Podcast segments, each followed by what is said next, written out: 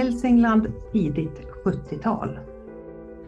Det gamla berget eh, reste sig högt över horisonten.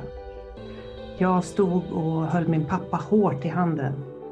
Berget, det hette Blacksåsberget. Och det var ett stort, stort stup som, eh, som man såg därifrån där vi stod. Och jag kommer inte exakt ihåg vad jag, vad som, vad som hände egentligen. Det jag kommer ihåg var stämningen där ute i skogen. Den där stora skogen med träden och all mossa.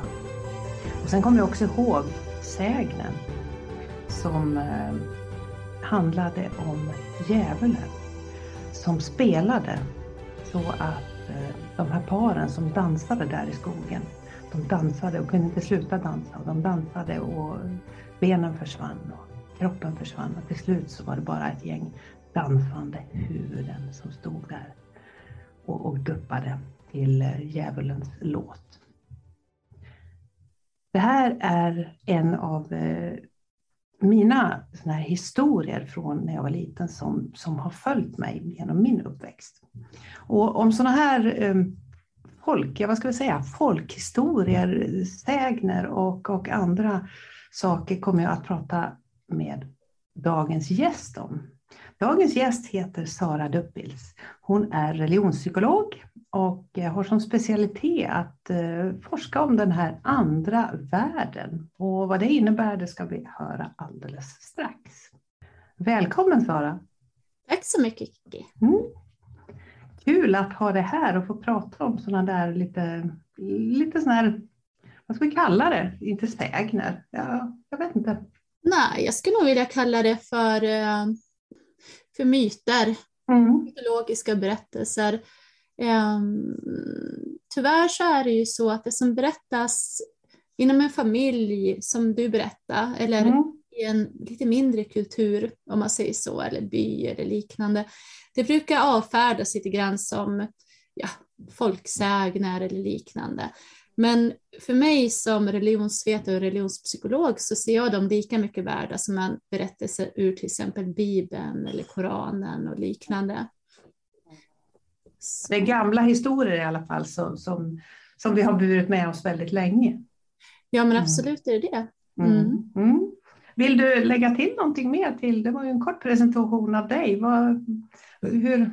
Ja, jag kan ju berätta lite mer om mig själv då och eh, vad jag håller på att forska om. Jag håller ju på och eh, ja, jag är doktor inom kort inom mm. religionsvetenskap och religionspsykologi framför allt. Och uh, mitt fokus har väl varit just upplevelser av den andra världen, alltså av en verklighet som uh, man tänker sig finns vid sidan av eller parallellt med vår fysiska värld. Och det kallar jag för extraordinära upplevelser. En del kallar jag för mystikupplevelser. Men det är lite olika. Jag har framförallt tittat på upplevelser av andar och väsen. Så, och vilken betydelse det har för människan. Och jag har bland annat sett att eh, bara att ha sådana här upplevelser är otroligt meningsskapande för människan. Existentiellt meningsskapande i och med att det visar på eh, för människan. Ofta så, så tolkar eh, hon det att det finns någonting mer, alltså det finns någonting mer i den fysiska världen. Så att det ger en, en stor känsla. Hur började ditt intresse för det här? Jag har alltid haft det här intresset, eh, precis som din berättelse. Mm. från skogarna i Hälsingland så jag berättelser från skogarna i Dalarna där jag växte upp. Um, och min farmor och farfar berättade mycket för mig när vi var ute, bland annat om skogsråt, berättade farmor mycket om. Uh, och um, min farfar han berättade om andar, om sina upplevelser. Så det har varit ett intresse sedan jag var väldigt liten. I och med att jag var mycket ute i skogarna då. Ja, man tänkte allting som fanns där. Och, um, sen är det så att, också att jag har haft upplevelser ända sedan jag var liten um, som jag inte riktigt har förstått mig på. Och det var väl där intresset började och sen har jag alltid velat undersöka det här mer. För jag har ju märkt att det är jättemånga som har den här typen av upplevelser men man vågar oftast inte prata om dem. Så där började mitt intresse. Mm. Och den här då kombinationen med att själv tro på sån här upplevelse och sen då att, att, att forska på den, hur, ja, hur funkar om det? säger så här, mm, det är ju ungefär som att eh, tro på att man drömmer. Mm. Det är ju ungefär samma sak. Va? Jag vet ju att upplevelserna sker, eftersom jag själv har upplevelser och jag litar på andra som berättar för mig att de har upplevelser. Men sen hur man tolkar vad det är för någonting, det är ju någonting annat. Jag vet ju inte vad mina upplevelser är eller vad de beror på. Ehm, och därför kan jag inte riktigt lägga någon tolkning vid dem, så jag kan inte säga att jag upplevde en ande eller vad det nu kan vara, för jag vet inte. Jag vet inte vad det är. Jag vet bara att jag har upplevelserna. Medan kanske någon annan som har en tro eller föreställning då, tolkar att det är en ande, det var min, eh, min avlidna mormor eller någonting liknande. Så jag ska inte vilja säga att jag har en, en tro på det sättet, utan jag bara observerar att jag har de här upplevelserna, men jag vet inte vad det är. Och därför går det jättebra att forska om de här upplevelserna. Man kan liksom säga att du samlar dem på hög och, jämför dem med varandra. Kan man säga lite så? Ja, ja det är det jag har gjort i min mm. avhandling. Mm. Där, där har jag samlat jättemycket upplevelser. Mm. Dels ifrån människor som har berättat för mig, som jag intervjuat, gjort många djupintervjuer, men framförallt från internet, för att det är ju där man delar sina erfarenheter idag och mycket för att det är eh, framförallt har varit stigmatiserat. Alltså man har inte vågat prata om sina upplevelser öppet för att man är rädd att bli eh, dumförklarad eller eh, hånad och liknande. Så det är framförallt på internet det här florerar idag. Har du en känsla av att det ökar eller minskar? Eller hur? Eh, vad för någonting? Ja, det här att, att vi pratar om de här sakerna. Är det, Gör vi det mer idag eller mindre idag? Mm. Eller ser du några sådana förändringar? Ja, jag ser ju att man pratar ju mycket mer om det. Ehm, jag har ju hållit på med min forskning rätt så länge för att jag mm. arbetar ju vid sidan av. Ehm, och eh, jag har ju sett verkligen hur det har utvecklats på internet. Jag kan säga att de sista åren, de sista två åren har det hänt någonting. Det har exploderat på internet. Och det har inte blivit så sensationellt längre, de här berättelserna, utan det har blivit mer en, ja, jag vet inte, naturligt att prata om det. Det, det är precis som om ett, eh, ja, som kristendomen då, i kristen kultur. Det blir naturligt, det blir en del av kulturen på ett annat sätt. Och det är väl det jag har märkt. Och jag, eh, om jag får spå i framtiden så tror jag att just det här som jag kallar för spiritism, kallar jag för det för. Alltså tanken om att det finns någonting mer eh, efter döden kanske och att eh, eh, man kan uppleva det också. Att det är det som kommer vara framförallt i Sverige. Det kommer vara den generella eh, livssynen. Sen kan ju den variera väldigt mycket beroende på vilka berättelser man har hört, vilka filmer man ser. Alltså populärkultur och eh, internet påverkar väldigt mycket den här tolkningen som vi pratade om tidigare. Mm, den här tolkningen, vad upplevelsen är. Så, så det här, och det, det är egentligen det är min också uppfattning om när jag har, jag tänker på den här podden och överhuvudtaget att man pratar mycket, mycket mer om de här, sen om man väljer att kalla dem, om man väljer att kalla dem för andliga eller existentiella frågor. Eller det finns ett, jag tycker också att jag märker ett väldigt, väldigt stort intresse mm. ifrån många håll. Mm. Eh, så man kan väl fundera om det, om det då kommer att slå ut den traditionella religionen? Ja, om det finns någon sån. Ja, om man säger så här, det har ju, funnits, det har ju funnits hela tiden. Det mm. har ju mm. aldrig försvunnit. Det här, um, det finns en forskare som eh, hette um, Tyler mm. förut, en uh, religionsantropolog som på i slutet av 1800-talet. Um, ehm, och uh, han bland annat menar att spiritism då menar jag inte spiritistiska rörelser och organisationer utan tanken om att det finns någonting mer och att någonting i människan överlever och kan upplevas. Det är ungefär det då som menas med spiritism i det här avseendet. Att det är människans eh, grundreligion, alltså det är ursprunget för religion. Och sen har det utvecklats till de här olika som vi har idag och även till sådana som har försvunnit och sådär. Så att eh, det vi har, eh, om vi fokuserar på Sverige, det vi har idag skulle man, för att hoppa lite framåt, skulle man kunna koppla ungefär till vikingatiden. Det är ju väldigt mycket där som har fortsatt och traderats muntligt i berättelser, så som du pratade om. I berättelser har det fortsatt och traderats eh, i familjer eller i byar ända till idag. Och nu det nya sättet att förmedla de här berättelserna, det är ju framför allt genom internet. Då. Så, så egentligen är det bara att, att det har fått ett större utrymme, att det är okej okay att prata om det. Det är mer så man ska se det egentligen. Mm, mm. Precis, har blivit mm. normaliserat, det har blivit mer normalt att människor har förut känt sig väldigt ensamma i sina upplevelser. De har haft svårt att prata med de andra då, på grund av rädsla. Ja, och nu när man kan gå ut på internet och diskutera på ett annat sätt om det man upplevt så ja, man ser mm. man är inte ensam utan det är någonting helt vanligt. Och det är väl det jag ser de här upplevelserna också som, att det är en del av att vara människa, att ha dem. Precis som man, man har andra upplevelser, till exempel som lukter eller drömmar eller tankar. Det är en del av människans psyke helt enkelt. Och, och det här just hur, hur, hur upplever, kan du inte berätta lite grann om det här hur, hur man upplever, vad är de vanliga sätten att uppleva de här bitarna? Mm, det absolut vanligaste det är att känna en känsla av närvaro. Alltså mm. att det finns någon, någonting, någon kallas det ofta i berättelser, att det är någon där i närheten av en. Men det är ingen man kan se, man bara känner att det finns någon där.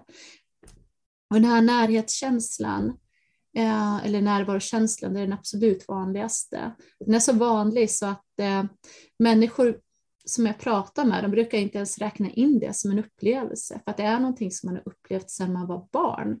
Och det är väl någonting som jag också menar då eh, i min forskning, det är att de här upplevelserna, de börjar i barndomen och sen fortsätter de hela tiden. Upplever alla det? Vad... Under barndomen, ja. Mm. Och alla kan ha de här upplevelserna. Men sen är det så att det, det är som så mycket annat. Vad är det man upplever? Ehm, det beror på kanske vad som har hänt i ens liv. Till exempel eh, är någon som nyligen har avlidit, då kanske det är lättare att man har upplevelserna, för då öppnar man upp sig för det. Alltså man, man tänker att man tänker mycket på döden. Det blir en, blir en eh, rätt kontext för det om man säger så. Eller om man sett en läskig film, en skräckfilm, det blir också att man sätter, kommer in i den här kontexten, att det är lättare att ha de här upplevelserna. Och sen är det ju så också att vi upplever ju så mycket hela tiden utan att vara medvetna om det. Alltså det är så mycket information som kommer in till oss hela tiden, så det är mycket upplevelser vi eh, ignorerar, om man säger så, som vi inte lägger fokus på. Förstår du hur jag menar? Ja, precis. Att det, ja, precis. Det, det är så mycket som att vi sorterar bort det där. Mm. Ja, mm. precis. Ja, jag, pr jag pratar mycket om, när jag pratar om, om det som jag till del jobbar med då, som heter human design, det här att använda sin magkänsla, det är ett viktigt moment mm. där, istället för att ta beslut med, med hjärnan och logiken. Och där upplever jag att många har glömt bort att lyssna på sin magkänsla, var den nu sitter. Den kan ju sitta på lite olika sätt, men just det här att, att, att man, man, hinner inte med eller att det är så mycket annat som rör sig. Jag tänker att det kanske kan vara lite likadant med de här bitarna också. Mm, ja, men precis. Och eh, just det här med känsla som du pratar om nu, det är också mm. väldigt centralt i min forskning, för det har jag ju sett då att, att man pratar ofta om att man känner någonting. Mm. Det handlar väldigt mycket om att man kommunicerar, man, eller man upplever sig kommunicera med den andra världen, med känslor också. Och det är det här att man, eh, jag vet inte om du har hört begreppet att man är, man är känslig.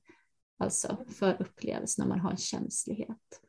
Så att eh, det här, just som du pratar om med magkänslor och känslor, det är starkt förknippat med de här upplevelserna och med eh, vad jag då kallar då spiritism, samtida spiritism.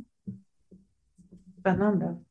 I övrigt då, det här att, att folk eh, hör röster och, och ljudlukter och sådana saker, det, det, det förekommer också, men det är lite mindre vanligt då? Eller?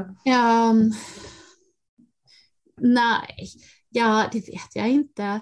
Um, det, om man säger så här, det absolut vanligaste är närvarokänslan och det är så mm. vanligt så att man inte ens kanske reflekterar över det speciellt mycket.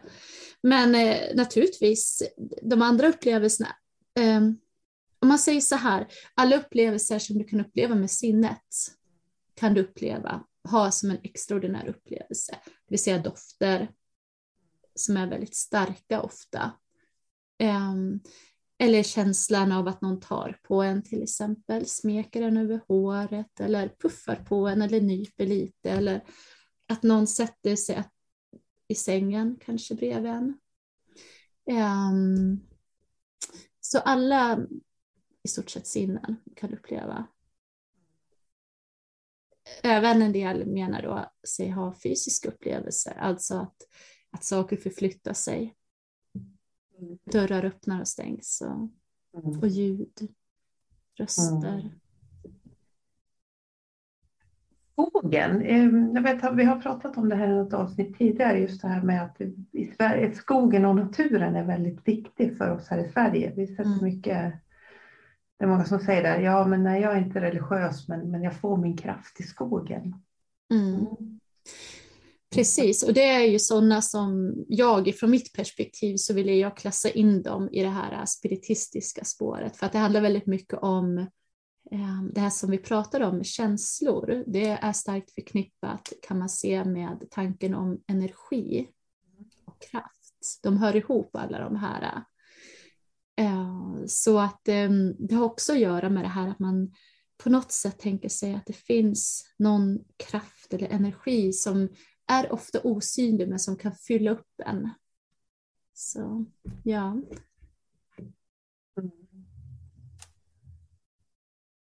Och om man tittar på din forskning nu som du har hållit på med då i, i många år, vad, ehm, vad, är, vad är din slutsats av det här? Finns det någon sån där? Ja, jag kan ju ta några. Ja. Alltså jag tror att jag kanske har nämnt lite grann redan. Mm. Eh, mm. och, eh, det är ju att dels att den här upplevelsen, den är ju helt normal. Alltså det är ju en del av att vara människa. Det är någonting som alla har, mer eller mindre. Mm. Och jag har också eh, sett då, just det här meningsskapande som jag pratade om. Att eh, eh, vad ska man säga, när en människa haft en sån här upplevelse så söker man gärna efter fler upplevelser på olika sätt. Just för att det är en mm, ska man säga, omedveten tillfredsställelse om att man inte bara är en biologisk produkt, om man säger så, utan att man har någonting mer i sig. Alltså, låt oss kalla det själ eller självet eller vad man vill någonting. Och att det finns också mer än den här fysiska världen som vi har lärt oss i Sverige finns. Ehm, så att det är existentiellt meningsskapande. Så att det är väl framförallt de två som jag kan tycka är väldigt viktiga. Så, och när jag läste lite grann om mig så säger du att det här, eh, dina forskningsresultat eh, kan, kan minska rädslan för döden, skulle kunna vara en. Ja, en effekt av det hela. Ja, men precis. Och det hänger ihop med den här, ja, jag, jag brukar kalla det för att det är två, två saker som upplevelserna leder till. Det är en, eh, en känsla av att eh, det finns någonting mer, brukar jag kalla det för. Och den andra är att man är mer än människa.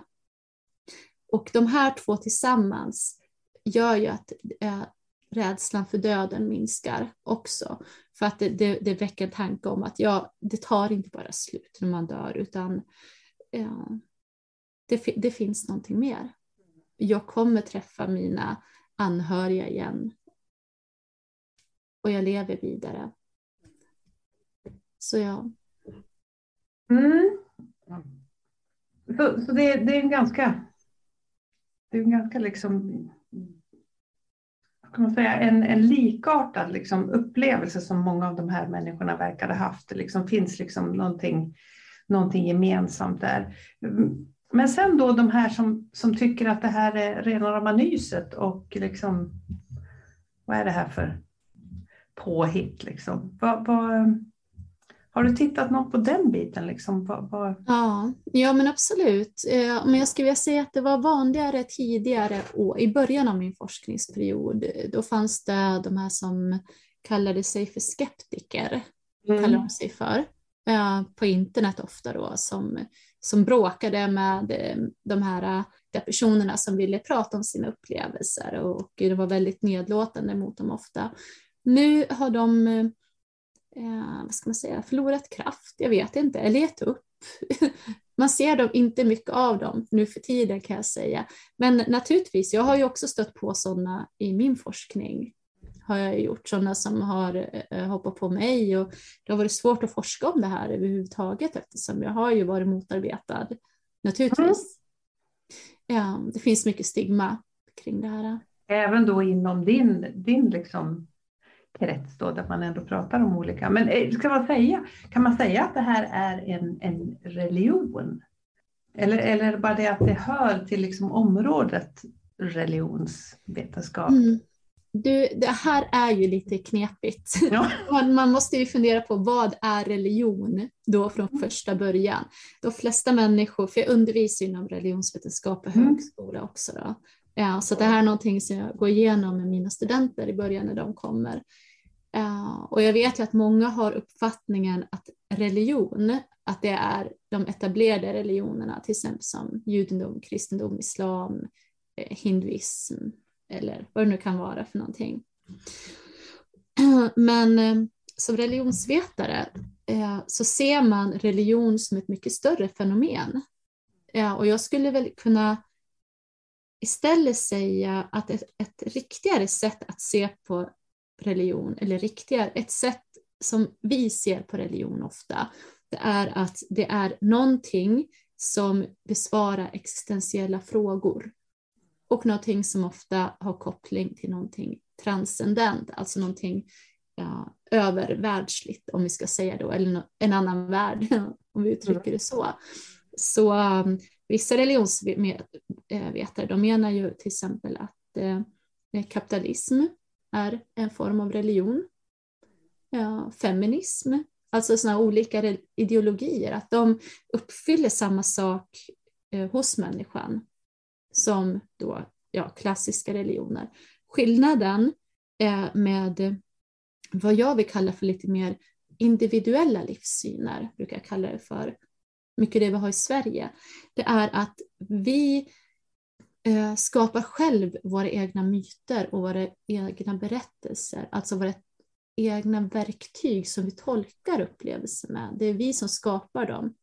Annars så, eh, om man går till till exempel kristendomen, då har man Bibeln som berättar, så här ska du tolka dina upplevelser.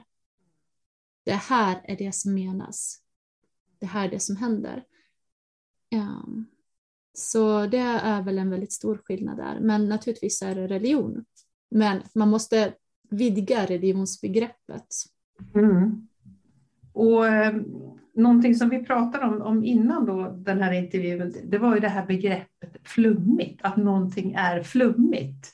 Eh, vad, vad egentligen kan man säga så här, vad är det som är flummigt i dagens Sverige med all den bredd som vi har på, på det mesta? det förekommer ganska ofta så att säga att nej, men jag, är, jag, är inte så, jag är inte så flummig just i de här. Mm. Ja, men precis. Det där är ju väldigt intressant och det är ju någonting som jag har stött på ofta. Mm. Att mitt ämne är flummigt. och det är högst seriöst och vetenskapligt. Så det, um, jag tycker att det är rätt så roligt. Och I början när jag fick höra det här och när folk pratade om människors upplevelser och kallade det för flummigt, jag blev rätt så irriterad. För jag, jag, jag tycker att, ja men vadå, det här är väl inget flummigare än att folk går till kyrkan eller eh, upplever sig få svar av, av Jesus när de ber eller ja, något sånt där. För mig är det ingen skillnad utan det är religion som religion för mig. Så att jag var rätt så upprörd, men jag har liksom eh, under åren landat i det här och börjat utforska det här mer. Och det det egentligen handlar om, det här att man ser att någonting är flummigt, det handlar om att man förstår inte helt enkelt. Man kan själv inte sätta sig in i vad det är det handlar om och då är det lätt att göra någonting otydligt. Man tycker att någonting är otydligt. Så att det eh, är ett nedvärderande, man har använt det nedvärderande på något sätt och säga, ta bort legitimiteten ifrån människors livssyner och deras upplevelser. När man kallar det flummigt. Men det det egentligen handlar om det är att personen som använder begreppet flummigt eh, menar egentligen att de förstår inte helt enkelt. Det ligger över deras fattningsförmåga. Det är egentligen det det handlar om. Mm. Ja, det, det, tycker jag låter som en, en, jag låter som en bra analys av det hela. Jo. Och, och lite mer, ja, ja det, det tänker jag, det tar vi med oss framåt. Om du tittar på alla de här berättelserna, för du har intervjuat otroligt många mm. under de här åren. Och jag misstänker att det är så också att när du undervisar så, där, så är det väldigt många som berättar saker för dig när, när, när man pratar om de här sakerna. Eh, har du någonting speciellt som, som liksom sitter kvar i dig eller någon sån där uh, berättelse som du Nej, faktiskt, jag måste göra dig besviken här. Men eh, jag har ju hört så otroligt många, precis som du säger. Och jag är så här jättetråkig att jag har blivit att har jag hört en, då har jag hört alla nu. För att jag vill inte nedvärdera de här upplevelserna heller. Jag känner att jag gör det lite grann, att jag nedvärderar dem när jag säger så. Och det, det, är inte det jag vill göra, utan som vi pratade om förut, att de kan ju komma till uttryck på så otroligt många sätt. Allt ifrån en närvarokänsla till någonting större, att man upplever sig att saker förflyttas. Man hör steg i trappan, kanske fast det inte finns någon där och eh, man hör att eh, kanske någon ropar på en som inte finns där. Mm. Och man kan till och med ha upplevelser, det kan vara flera personer samtidigt som har samma upplevelse som umgås. Um, och alla de här upplevelserna, de är otroligt betydelsefulla för personerna som har dem. Och det är ju det, jag är väl lite skadad antar jag efter allting, det är ju det jag ser, jag ser ju det här eh, sammanhangen i dem. Så jag, eh, jag har svårt att välja ut en. Ja, då tolkar jag det som det är ganska tydligt då att, att mycket förändras för de här människorna efter en sån här upplevelse. Ja, väldigt mycket. Och då är det ju det här sökandet som jag sa till dig, att man mm. kanske eh, börjar gå ut på internet och titta. Mm. Är det någon som haft liknande upplevelser? Man börjar titta kanske på Youtube-kanaler med människors upplevelser och, eller såna här Ghost Hunters, paranormala undersökare och liknande. Man kanske åker till en menad hemsökt plats och eh, kanske gå till ett medium. Mm. Alltså man vill ha mer av det. Det är, det är så meningsfullt så det, det, är ju det som är det viktiga, ser jag. Mm. Som avslutning tänker jag, eh, har du någon känsla för hur Sverige skiljer sig från den övriga världen? När det gäller upplevelser eller? Ja, eller typer av upplevelser eller överhuvudtaget. Liksom. Jag, jag, som jag känner här, vi, vi, just de här andliga bitarna, det känns på något vis som att världen, att vi har legat lite, lite efter. Som du säger att det här har exploderat. Här. Men ser du några skillnader liksom, länder emellan? Och... Ja, jag skulle vilja säga att um, det har ju varit det här att um, Fast det skulle jag säga att det är rätt så vanligt i västvärlden överhuvudtaget, att man, att man inte fått prata om det här. Och det har att göra, ja det är en lång historia det också, men det har att göra med vår vetenskapstro och, eh, och även med kyrkan. Så att det går långt tillbaks. Att de här upplevelserna kan klassas som psykisk sjukdom bland annat. Eh, det jag kan se nu det är ju att eh, om vi jämför med resten av Norden till exempel, så här är, har det, vi kommit mycket längre i det. Här pratar vi mycket mer om det, om upplevelser och det är mycket mer populärt här. Ja, det kan jag väl säga. Eh, sen är det det också att det är det här individuella som är speciellt i Sverige. Att man gör sin egen tro, om man säger så, sin egen, ja, tro är kanske bäst. Ja, det här individuella och det har väl att göra med att vi är eller har varit sekulariserade då. Ja, vi är ju väldigt individuella i Sverige överhuvudtaget. Ja. Vi vill ju gärna ogärna styras av, av, av andra och sådär, utan vi ska ja, göra vår egen sak. Liksom. Ja, ja, och det gäller även i tolkningen, alltså ja. när man har en upplevelse och när man bygger upp sin egen livssyn. Och där är mycket det här med känslan också som styr, som du pratade om. Mm. Man använder sin magkänsla och um, när man mm. gör val för hur mm. man ska tolka saker och hur man ska, vad man tror. Mm. Det är väl det kanske som vi är speciella med här. Mm. Göra saker på vårt eget sätt. Mm. Ja, precis. ja, vi är inte organiserade här, det är ju det. Ja. För det är man ju i många andra länder. Ja, det där får avsluta det här avsnittet av cirkeln och jag vill önska dig lycka till då med det här doktorerandet som är på G. Mm. Mm, tack så mycket. Vad tänker du om det här med eh, upplevelser av eh, extraordinär art? Är det någonting som du själv har eh, upplevt eller har du hört talas om det? Kanske du också berättelser från din barndom som följer med dig än idag. Jag hoppas att du har haft nöje av Saras och mitt samtal och så hoppas jag naturligtvis att du hänger med mig nästa vecka igen. Och om du gillar det jag gör så träna in på Instagram. Där heter jag Kikki Westerberg. Nu är det slut för den här veckan. Vi hörs snart igen.